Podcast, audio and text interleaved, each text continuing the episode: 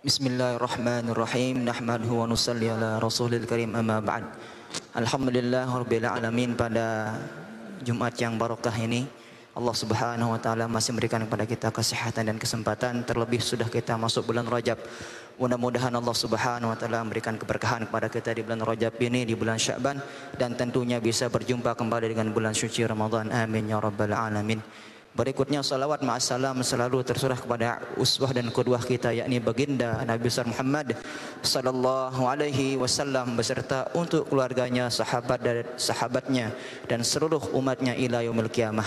Alhamdulillah telah hadir bersama bersama kita guru kita yang insyaallah akan sebentar lagi akan menyampaikan kajian tafsir surah Al-Baqarah ayat 124 dan seterusnya.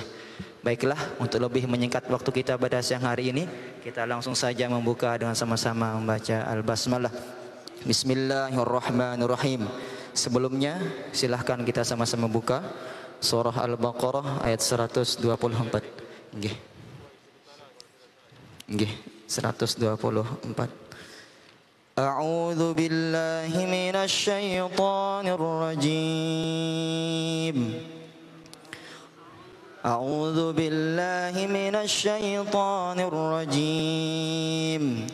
وإذ ابتلى إبراهيم ربه بكلمات فأتمهن. وإذ ابتلى إبراهيم ربه بكلمات فأتمهن.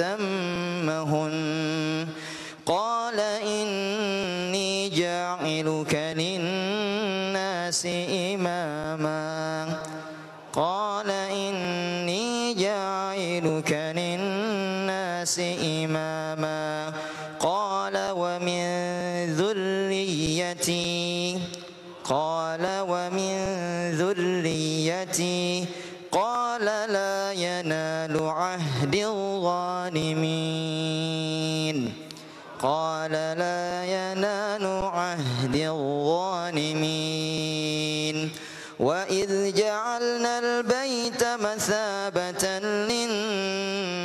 للناس وأمنا. وإذ جعلنا البيت مثابة للناس وأمنا. واتخذوا من مقام إبراهيم مصلى. واتخذوا من مقام إبراهيم مصلى. وعهدنا إلى وإسماعيل أن طهرا وأهدنا إلى إبراهيم وإسماعيل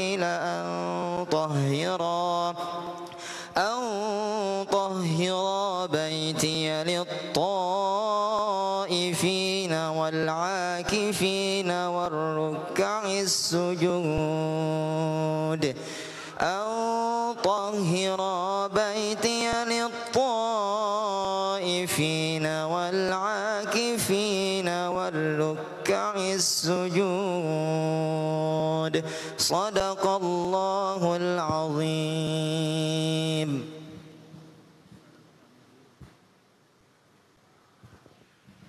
بسم الله الرحمن الرحيم السلام عليكم ورحمة الله وبركاته الحمد لله والصلاة والسلام على سيدنا محمد بن عبد الله وعلى آله وصحبه ومن والاه أما بعد Para jamaah sekalian Alhamdulillah Pada siang hari ini kita dapat melanjutkan bacaan kita dengan izin Allah Subhanahu wa taala. Ayat 124 ya. Dan seterusnya. Saudara-saudara, tadi kita sudah baca bersama dipimpin oleh qori kita satu ayat yang juga merupakan penanda peralihan satu topik dari topik yang telah lalu kepada topik yang baru. Pada lebih 60 ayat. Sebelumnya Allah bahas panjang lebar pernak-pernik perjalanan naik turun ya, dinamika suatu umat ya, yaitu bangsa Yahudi baik pada masa Nabi Musa alaihissalam ataupun pada masa Nabi besar Muhammad sallallahu alaihi wasallam. Selesai. Ya. Sekarang masuk pada suatu bagian yang terkait dengan seorang tokoh besar ya, yang tidak kalah besarnya bahkan mungkin lebih besar ya, dari tokoh yang sebelumnya yaitu Nabi Musa alaihissalam tokoh kita yang sekarang ini adalah Nabi Ibrahim alaihissalam saya katakan tidak kalah besarnya karena memang atau bahkan lebih besar karena Nabi Ibrahim ini memang disebut dengan Abul Ambia. Kalau dihubungkan dengan Nabi Musa, maka Nabi Musa itu cicit, cicit, cicit, cicit, cicit, cicit, dan nggak tahu lah namanya. Sudah sekian generasi setelah Nabi Ibrahim. Jadi kalau kenabian itu seperti pohon, ya, maka Nabi Ibrahim itu tunggaknya.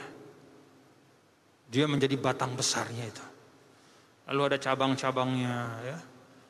Ada cabang-cabang berupa nabi-nabi dari Bani Israel, anak cucu beliau. Ismail, ya, putra beliau. Terus ada anak-anak, anak-anak, terus anak-anak, anak-anak, terus sampai keluar Nabi besar Muhammad SAW. Ada cabang yang lain namanya Ishak.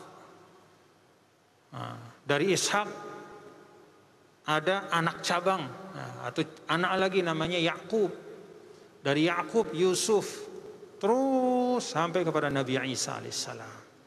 Jadi Nabi Ibrahim itu tunggaknya. Maka dia disebut sebagai Abul Ambia. Wayahana lekan para nabi dan rasul gitu kira-kira ya. Bapak dari semua nabi dan rasul. Nah ini ini mulai dibahas ya. Ada bahasannya di dalam ayat ini dan beberapa ayat setelahnya. Ini orang-orang hebat semua. Bukan hanya sekadar nabi, tapi nabi dan rasul yang istimewa. Ya, maka disebut beliau ini adalah satu dari lima ulul azmi minar rusul. Ulu artinya ashab. Ya. Al-azm itu artinya suatu keyakinan, suatu komitmen, ketetapan hati. Gak bisa digeser dalam keadaan apa pun. Di situ ada lima orang kalau kata sebagian ulama, ya jumhur ulama yaitu pertama Nabi Ibrahim, yang kedua eh, yang pertama Nabi Nuh, yang kedua Nabi Ibrahim, yang ketiga Nabi Musa, yang keempat Nabi Isa, dan yang kelima Nabi kita Nabi besar Muhammad Sallallahu Alaihi Wasallam. Ulul azmi minar rusul. Orang-orang hebat yang terhebat dari yang hebat, teladan dari teladan, idola dari idola. Wa idh ibtala Ibrahim rabbuhu bikalimatin fa'atammahun. Dan ingatlah ya, wa iz wa iz ibtala wa iz ay wadhkur iz Uzkur itu ingat. Siapa yang disuruh ingat ya kita-kita ini semua. Bapak-bapak, ibu-ibu, saudara-saudara ingatlah gitu. Kalau ada kata ingat, ini seakan-akan sesuatu peristiwa yang memang sudah ada dalam diri kita. Ya. Jadi ayat-ayat kitab suci itu, ya, walaupun pertama kita kali kita baca, tapi karena maknanya itu kebenaran dan sesuai dengan fitrah, maka seakan-akan dia ada dalam diri kita. Wazkur, ingatlah. Proses mengingat itu katanya mengulangi apa yang pernah ada. Ya. Padahal tidak sedikit kita atau bahkan semua kita begitu pertama kali baca ayat ini, yaitu pertama kali kita tahu. Tapi ada kata ingat, seakan-akan, ya, seakan-akan bahwa agama itu adalah sesuatu yang memang markuz. Ya, dia memang pesannya itu sudah ada, sudah disiapkan di dalam diri kita. Jadi tinggal dibangkitkan lagi, ya, dihidupkan lagi. Makanya kalau ada orang yang tidak beragama atau orang yang betul-betul hidupnya itu tidak mengikuti ya, membuang sama sekali agama itu kelewatan. Karena Allah sebenarnya sudah siapkan di dalam dirinya itu suatu kesiapan ya untuk uh, menjalani tuntunan yang baik. Wa idh Ibrahim rabbuh dan ingatlah ketika ibtala Ibrahim rabbuh ketika Tuhannya ya, Tuhannya Nabi Ibrahim ya, Allah Subhanahu wa taala ibtala menguji ya, menguji memberikan cobaan Ibrahim kepada Nabi Ibrahim. Dan ingatlah ketika Ibrahim diuji Tuhannya bi kalimat dengan beberapa kalimat yaitu dengan sekumpulan perintah dan larangan sekumpulan tuntunan dan pedoman fa'atammahunna. Maka kemudian dia menyempurnakannya. Qala inni ja'iluka linnasi imama. Karena itu Allah Subhanahu wa taala berfirman inni ja'iluka linnasi imama. Sesungguhnya aku menjadikanmu yaitu Ibrahim linnas bagi manusia imama yaitu sebagai pemimpin. Qala Nabi Ibrahim berkata, "Wa min dzurriyyati" Anak cucuku juga ya Allah, kira-kira gitu.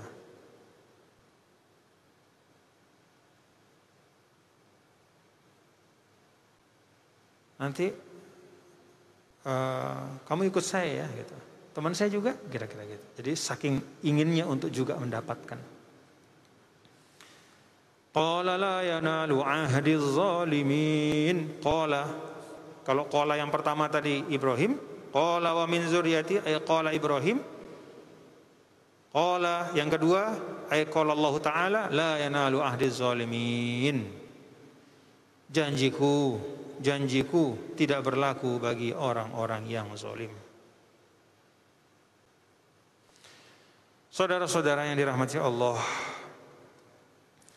dari ayat ini kita bisa mengambil beberapa hal. Pertama, wa idibtala Ibrahim rabbuhu bikalimat. Ibtala itu dari al-bala, artinya cobaan atau ujian. Konsep Islam tentang cobaan atau ujian itu mencakup nikmat ataupun musibah, kesenangan ataupun kesusahan. Jadi beda kalau sebagian kita yang sering menyempitkan makna dari cobaan itu hanya kepada yang kita tidak sukai. Tidak. Dalam Islam Al-Quran berulang kali. Di dalam ayat yang lain. Wa nablukum bisyarri wal khair. Nah, aku kami coba engkau dengan bisyarri dengan yang tidak baik, dengan sesuatu yang tidak kau sukai, sesuatu yang buruk menurut pandanganmu, wal khair ataupun dengan hal yang baik yang kamu senangi, yang kamu cari-cari fitnatan. Itu keduanya sama sebagai cobaan. Wa balawnahum bil hasanati wasayyiat dan kami coba mereka dengan beragam cobaan-cobaan yang tidak mereka sukai. Entah itu sakit, kesusahan, pandemi, penyakit, atau kesempitan rezeki, atau apa pun namanya. Wal hasanat dan hal-hal yang baik yang disukai oleh manusia entah itu harta, entah itu jabatan, entah itu kesehatan, ilmu, apa pun. Wa ilaina yurja'un. Tapi itu semua adalah sama cobaan. Jadi konsep cobaan dalam Islam itu ya mencakup semua yang kita terima. Sesuatu yang kita cari-cari, hati-hati ya. Karena kita sukai sesuatu yang menyenangkan. Ya. Entah itu yang seperti tadi yang banyak dicari oleh manusia, hati-hati itu tetap cobaan. Sesuatu yang tidak kita sukai juga sama. Apa arti bahwa sesuatu yang kita sukai itu adalah cobaan? Cobaannya dari sisi apakah kita bisa mensyukurinya. Apa arti bahwa sesuatu yang tidak disukai itu cobaan? Cobaan dari sisi apakah kita sabar menjalaninya. Maka kata Rasul Shallallahu Alaihi Wasallam, ya, uh, seorang yang beriman itu dalam keadaan apa pun dia beruntung dia itu selalu positif. Keadaannya positif. Entah dia sedang dapat nikmat ataupun sedang dapat musibah, dia positif, dia bagus. Kapan itu terjadi? In asobat husarro syakar. Yaitu ketika dia dapat yang menyenangkan, dia bersyukur. Wa in asobat hudorro sobar. Dan ketika dia mendapatkan yang tidak dia sukai, dia sabar. Maka uh, kata para ahli, ya, para ahli, para ulama, al faqirus sabir biman zilati al syakir. Mana sih lebih mulia di sisi Allah orang kaya apa orang miskin? Kata ulama, orang kaya yang bersyukur sama mulianya dengan orang fakir yang bersabar. Atau dibalik, orang fakir yang sabar sama mulianya di sisi Allah dengan orang kaya yang bersyukur. Jadi kata kuncinya pada syukur dan sabar, bukan pada kaya miskin. Ya, Bapak-bapak ya. Kata kuncinya adalah pada kata syukur dan sabar. Karena itulah penentu lulusnya kita dalam ujian kehidupan. Bahkan bapak-bapak saudara, ya, bagi sebagian uh, ulama, mereka melipat gandakan ya, amalan doa hifz. Doa hifz itu artinya membaca ayat-ayat yang di dalamnya itu ada kata hifzun atau hafiz, yaitu pemeliharaan. Hafizan wa huwa arhamur rahimin. Fallahu khairun hafizan wa huwa arhamur rahimin. Atau dia baca Asmaul Husna, ya Hafiz, ya Hafiz, ya Hafiz. Dia lipat gandakan bacaan doa ayat pemeliharaan itu bukan ketika dia dapat musibah, tapi justru ketika dia dapat dia dapat nikmat. Jadi semakin dia dapat nikmat, semakin dia perbanyak ya Hafiz, ya Hafiz, ya Hafiz. Supaya dia terjaga dan terpelihara. Jangan terpleset. Terpleset di dalam menerima nikmat itu lalu kemudian menimbulkan ketakaburan. Ya. Ketika kuat menindas yang lemah. Ketika berkuasa menyakiti orang biasa. Ketika berilmu menghina orang yang bodoh misalnya atau kurang berilmu. Nah, jadi justru kewaspadaan itu kita lipat gandakan ketika kita sedang dapat nikmat. Kalau sedang dapat musibah yakin, ya, yakin pasti banyak doanya. Ya. Lagi sakit ya Allah sembuhkan, kan begitu ya? Tidak perlu disuruh-suruh. Tapi kalau sedang dapat nikmat jarang ya Allah alhamdulillah saya syukuri sering lupa. Maka para ulama sampaikan tingkatkan kewaspadaan. Ya. Maka para ulama kan juga kalau minal aurodil mujarrobah ya, yang sering dijazakan oleh guru-guru kita, kalau sedang dapat nikmat, sedang memegang amanah, entah itu amanah namanya amanah uang, amanah jabatan, amanah kesehatan, amanah ilmu, itu zikir atau wirid ya auradus sobah wal masa itu jangan boleh ditinggalin. Itu itu yang dijazakan oleh guru-guru kita. Doa pagi dan doa petang itu nggak usah nggak boleh hilang. Semakin orang banyak amanahnya dia harus terus baca itu. Karena itu doa penjagaan. Atau paling minimal ya kalau kata ulama kalau memang ya katakanlah sedang sempit waktunya sayyidul istighfar jangan dilupakan sekali pada pagi dan sekali pada malam kan hafal ya sayyidul istighfar Allahumma anta rabbi la ilaha illa anta khalaqtani wa ana abduka wa ana ala ahdika wa wa'dika mastata'tu أعوذ بك من شر ما صنعت أبوء لك بنعمتك علي وأبوء بذنبي فاغفر لي فإنه لا يغفر الذنوب إلا أنت baca pagi dijaga sampai petang dari keliru bersikap pada saat dapat nikmat ketika tidak sabar dapat musibah ya.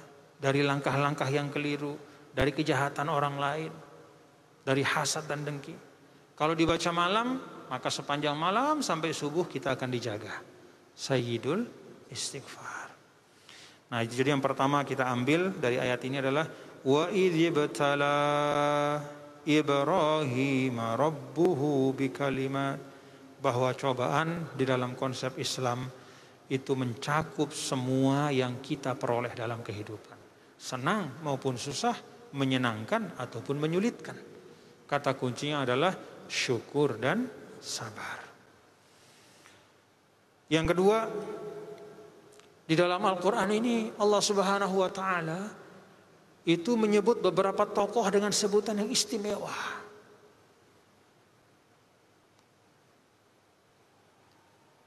Berulang-ulang untuk menjadi inspirasi dan pelajaran. Mereka adalah sosok ya, yang satu badannya tapi nilainya seperti beribu-ribu manusia. Orangnya satu, tapi jasanya itu seperti satu umat. Maka dalam ayat yang lain, Inna Ibrahim kana ummatan. Ibrahim itu satu jiwanya, badannya kayak kita, matanya dua, telinganya dua, apa kayak kita. Ummatan tapi Allah berikan dia gelar ummah. Badannya satu, tapi demikian hebat amalnya dalam kehidupan, sehingga dia seakan-akan nilainya seperti beribu-ribu manusia.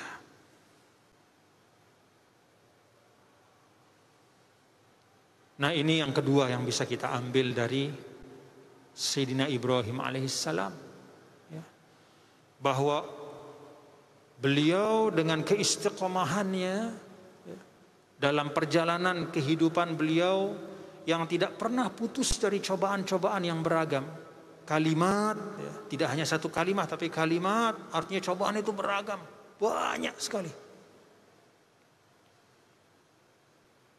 Sampai pada titik yang paling membahayakan dilempar ke dalam api. Kalau ancaman pembunuhan udah biasa, dilempar ke dalam api. Tapi dia tidak berhenti, ya, tidak berhenti. Nah istiqomahnya inilah yang dicatat oleh Allah. Maka kerja-kerja beliau walaupun hanya satu, tapi Allah hargakan dirinya itu seperti beribu-ribu manusia. kita bisa meniru. Bukan dari sisi kenabiannya, karena tidak mungkin kita bisa meniru kenabian. Tidak ada yang bisa jadi nabi setelah baginda Rasul selesai. Pintu nabi dan Rasul itu sudah selesai tutup, kunci, gembok, sudah selesai. Tapi kita bisa meneladani. Semakin banyak kita bisa meneladani sifat-sifat dari Nabi Ibrahim alaihissalam itu akan membuat nilai kita semakin mulia di sisi Allah. Jadi dengan segala kelemahan kita ya bapak-bapak saudara, kita bisa berharga berlipat ganda ya, dengan keistiqomahan, dengan sifat dan amal-amal yang baik. Lolos dari ujian yang kita lewati dalam kehidupan sebagaimana Nabi Ibrahim alaihissalam. Tapi sebaliknya juga dan ini bahaya. Bisa jadi ada sekelompok manusia yang juga tidak ada nilainya di sisi Allah. Ada satu orang nilainya ribuan, ada ribuan orang kalah nilainya dengan satu orang. Kapan ribuan orang itu tidak ada harganya? Kalau di dalam mereka itu tidak tumbuh sifat-sifat yang baik. Atau dalam bahasa Nabi kita yang mulia Nabi besar Muhammad sallallahu alaihi wasallam, gusaun ka gusa isail. Banyaknya itu seperti buih ketika banjir. Kalau banjir itu kita lihat, misalnya ada banjir di kali apa namanya yang dekat nih? Jang, jangko? Kali jangkok atau kali apa namanya? Kita berdiri di atasnya lihat atau banjir. Apa yang kita lihat? Potongan kayu, potongan sandal jepit. Apalagi kain robek. Macam-macam. Ada seribu satu barang. Tapi semuanya rusak, hancur. Gusa usail. Buih-buih yang tidak ada arti. Dan yang namanya buih itu banyak dia, tapi begitu dia bersentuhan dengan pinggir laut, dia hilang begitu saja. Jangan sampai kita menjadi umat yang seperti itu.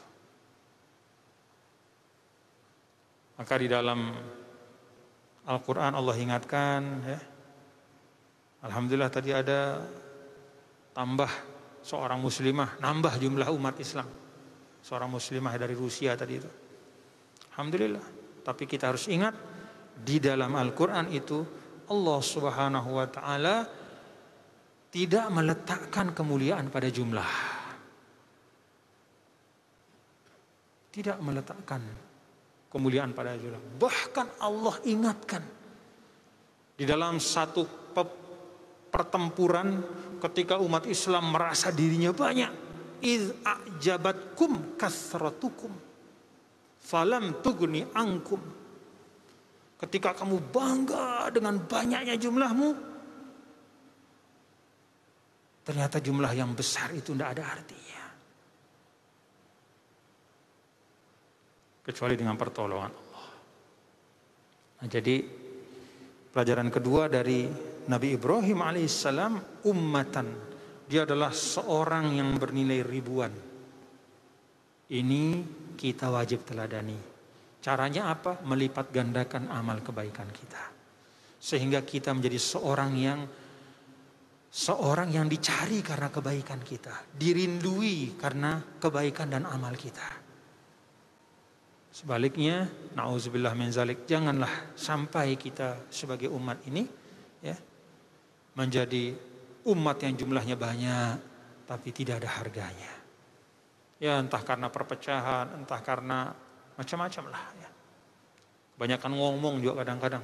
Amalnya sedikit, ngomongnya banyak ya. Dikira ngomong itu bisa bawa masuk dalam surga. Bikalimatim fatammahun. Nah, yang ketiga yang perlu kita ingat juga bahwa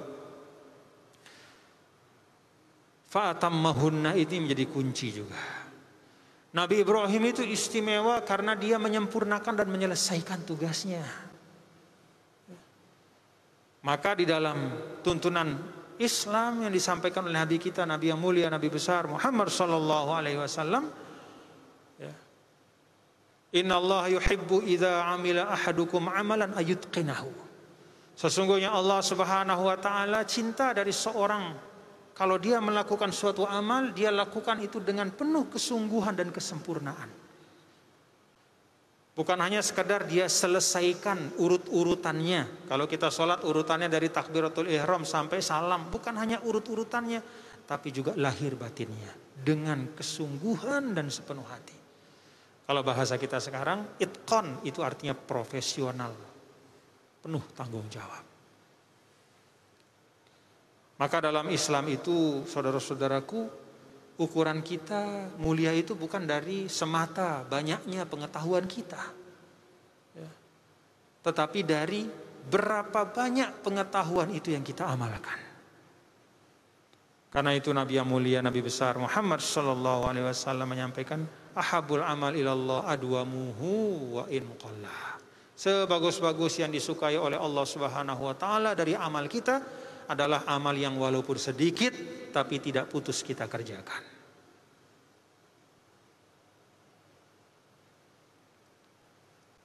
Kalau punya zikir gak usah panjang-panjang lah. Ya. Tapi tetap. Kalau baca Quran tidak mesti dua juz sehari. Tidak apa-apa satu halaman tapi tetap. Kalau bersedekah tidak harus kasih rumah kita sekali, sudah selesai. Enggak. Dengan yang sedikit, tapi tetap. Itu tidak kalah berkahnya. Bahkan itu yang disukai. Aduamuhu wa in qalla. Jadi melaksanakan sesuatu dengan penuh kesungguhan, ya, menyempurnakannya, dan salah satu tanda kesempurnaan adalah terus berlanjutnya amal itu. Jadi ketika Nabi Ibrahim diuji dengan kalimat ya, kata kalimat ini banyak tafsiran dari para ulama. Ya, ada yang mengatakan bahwa kalimat itu adalah semua perjalanan hidup beliau, ujian-ujian beliau. Ya, ketika bertemu dengan Namrud, kemudian uh, ketika beliau apa uh,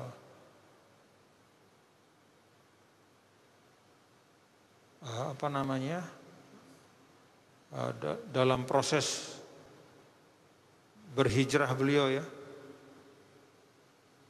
ada proses uh, melihat bulan matahari bintang ya diuji ketetapan hati beliau untuk tetap dalam tauhid. Dan banyak lagi. Termasuk juga cobaan beliau adalah ujian beliau ini jahilu nasi imama. Yaitu ketika dijadikan sebagai pemimpin spiritual oleh Allah. Ya bahasa kita pemimpin agama. Beliaulah memimpin ya sebagai yang memberikan arahan memberikan katakanlah pedoman petunjuk kepada umat yang ada pada waktu itu. Istiqomah, tidak bergeser.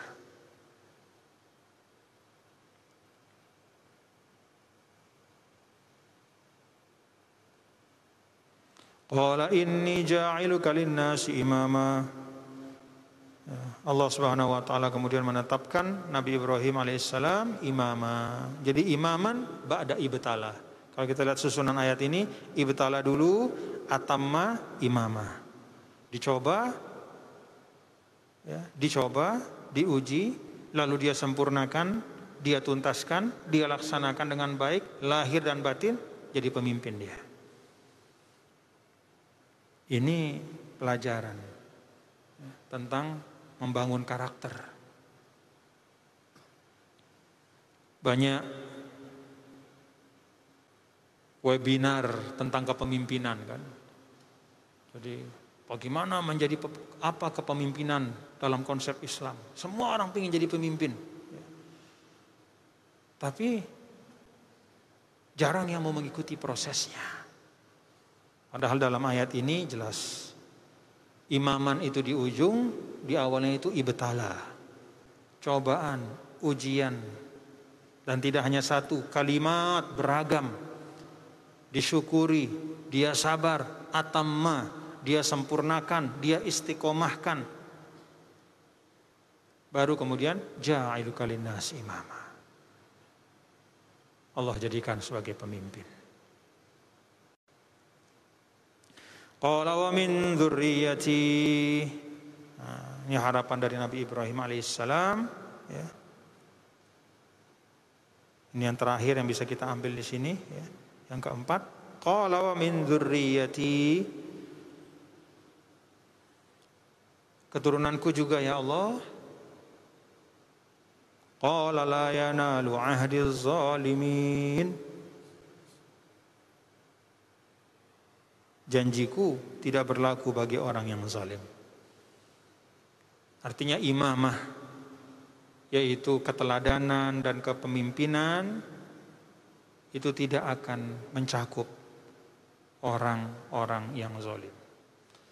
Yang kita dapat ambil dari sini adalah bahwa kezoliman itu merusak kemuliaan. Jangankan Anda orang biasa, anak orang biasa, keturunan Nabi pun, anak cucu Nabi pun kalau Anda zolim, maka tertutup pintu kemuliaan itu, gelap. Maka kata Rasulullah SAW, Ittaqu zulma, fa inna zulma zulumatun yaumal qiyamah. Jangan berbuat zolim. Kezoliman itu akan menjadi lapisan demi lapisan kegelapan. Oleh karena itu, Bapak-bapak dan saudara-saudara sekalian, tugas kita ya adalah mewariskan nilai-nilai yang baik kepada generasi setelah kita. Ayat ini juga isyarat ya, bahwa yang baik itu tidak mesti melahirkan yang baik. Seakan-akan Allah mengatakan Ibrahim saya janji baiklah anak keturunanmu yang baik sepertimu dia dapat seperti yang engkau dapatkan tapi di antara mereka yang zolim mereka keluar dari janjiku ini kata para ulama adalah satu isyarat bahwa di antara keturunan beliau itu bahkan ada yang zolim Padahal beliau nabi. Ayah dari nabi juga, tapi keturunannya itu ada. Kalau nabi tidak bisa menjamin, ya seorang nabi tidak bisa menjamin bahwa pasti semua keturunannya baik, apalagi yang bukan nabi seperti kita. Maka tidak ada artinya kita membanggakan ya orang tua kita, kakek, nenek moyang kita, dengan tanpa kita sendiri mengisi hidup kita dengan amal-amal yang baik. Wallahu subhanahu wa ta'ala alam. Jamaah sekalian, eh, kita cukupkan karena tadi ada uh, apa ya prosesi ya yang uh, mengambil waktu kita. Alhamdulillah, mudah-mudahan semuanya baik. Jamaah yang dirahmati Allah, satu ayat yang kita baca ini mudah-mudahan menambah kefahaman kita dan uh, me memberi kita semangat ya untuk terus menerus menambah kebaikan demi kebaikan karena sekali lagi kemuliaan itu adalah hasil dari proses sebagaimana yang Nabi Ibrahim alaihissalam dapatkan. Terakhir yang ingin saya sampaikan pengingat kepada kita semua fa fi syahri rajab kita sudah di bulan Rajab, sebentar lagi bulan Sya'ban dan setelah itu bulan suci Ramadan. Bulan Rajab ini satu dari bulan-bulan yang disebut dengan Al-Ashhurul Hurum ya. Ada 12 bulan, empat di antaranya itu disebut dengan Al-Ashhurul Hurum, bulan-bulan haram. Bulan-bulan haram dalam arti bahwa keharaman berbuat yang tidak baik itu berlipat di situ. Tiga di antaranya itu berturut-turut, yaitu apa? Zulqa'dah, Zulhijjah, Muharram. Satu pisah. Apa yang pisah? Bulan Rajab. Nah, jadi salah sun sar, salah satu sardun wa wahidun fardun. Tiganya berturut-turut, satunya misah. Yang berturut-turut itu Zulqa'dah, Zulhijjah, Muharram. Itu tiga-tiganya bulan bulan haram. Satu yang pisah yaitu yang sekarang kita nih bulan Rajab. Orang Arab yang sangat suka berkelahi, perang, saling bunuh. Pada saat bulan Rajab itu mereka sepakat untuk menyarungkan pedang mereka. Makanya bulan Rajab itu juga disebut dengan Rajabul Asom. Bulan Rajab yang tuli. Kenapa dikatakan tuli? Karena tidak ada terdengar suara dentingan pedang pada saat itu. Sepi nggak ada. Bulan Rajab. Itu jahiliyah dulu. Jahiliyah dulu. Karena itu tidak pantas kalau di masa kita sebagai umat Islam yang sudah sudah hatam, baca Quran, tahu hadis, ya, tahu petunjuk Nabi. Lalu bulan Rajab ini kita masih saling ribut saja saling umpat. Kalah sama orang jahiliyah. Punya medsos masih aja saling ngata-ngatain. apa tuh cebong, kadrun, wah segala macam. Apa? Lebih buruk dari orang jahiliyah kelakuan kita kadang-kadang. Orang jahiliyah saja ya, dia tahu ada dia punya adab-adab yang dia pegang. Eh kita sebagai umat kadang-kadang mengaku sebagai umat Nabi besar Muhammad sallallahu alaihi wasallam lalu pada bulan-bulan yang istimewa seperti Rajab ini kita bukannya apa introspeksi menyiapkan diri menghadapi bulan suci Ramadan tapi meneruskan yang tidak baik kita terusin ya terus saja saling umpat masih aja itu banyak-banyak di media medsos masih saling umpat segala macam Nauzubillah min salik ya. Jadi ini pengingat bagi kita. Kadang kita salah ya Bapak-bapak. Kalau kita belajar tentang masa jahiliyah, kita pikir jahiliyah itu lawannya ilmu. Bukan ilmu lawan jahiliyah sebenarnya. Karena pada masa jahiliyah itu banyak orang yang berilmu juga. Tapi lawan dari jahiliyah itu, al-jahlu di situ lawannya adalah al-hilmu, bukan al-ilmu. Artinya apa? Al-hilmu itu pengendalian diri. Al-hilmu itu adalah kelapangan hati, kesabaran, ketenangan, kemaafan, pengendalian diri. Maka mereka dikatakan orang jahiliyah bukan karena tidak punya ilmu, tapi karena tidak ada hilmun. Dalam arti apa? Mereka sembarangan. Hawa nafsunya dia turutkan. Ya. Membunuh, minum minuman keras, berzina, apa yang dia mau. Padahal mereka berilmu.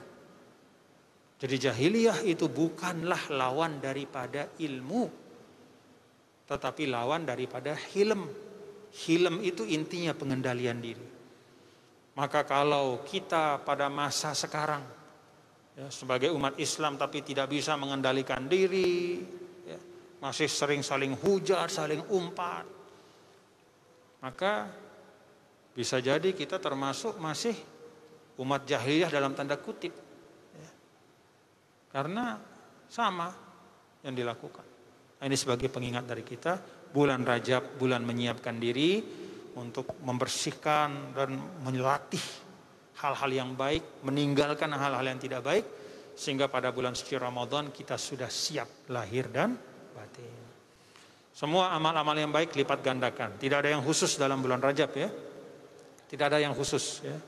Puasa bagus ya, tetapi uh, tidak ada yang khusus ya, misalnya harus puasa sekian hari apa segala macam tidak. Kalau kuat puasa silahkan puasa itu bagus. Kalau kuat baca Quran silahkan perbanyak baca Quran. Kalau kuat bersedekah silahkan. Semua amal-amal soleh itu mulia dan dilipat gandakan kemuliaannya pada bulan-bulan haram seperti ini. Wallahu subhanahu wa ta'ala alam. Mohon maaf apabila ada kekhilafan. Rabbana taqabbal minna innaka antas samiul alim. Wa alaina innaka antat tawwabur rahim. Wassalamualaikum ala sayyidina maulana Muhammadin wa ala alihi wa sahbihi walhamdulillahi rabbil alamin. Insyaallah kita jumpa pada kesempatan yang akan datang. Alhamdulillah rabbil alamin. Banyak sekali ilmu yang telah kita terima dari guru kita. Setiap sekali sepekan kita diingatkan oleh guru kita. Mudah-mudahan apa yang disampaikan oleh beliau bisa kita pahami dan bisa kita amalkan dalam kehidupan kita sehari-hari. Terlebih sudah kita memasuki bulan Rajab, mari kita siapkan untuk kita sama-sama menyambut bulan suci Ramadan sejak bulan Rajab ini insya insya Allah. Baiklah untuk lebih sempurnanya majelis kita akhiri dan sama-sama melafazkan alhamdulillah dan doa kifaratul majelis. Alhamdulillah alamin. Subhanakallahumma wa bihamdika asyhadu an la ilaha illa anta astaghfiruka wa atubu ilaik. والسلام عليكم ورحمة الله وبركاته.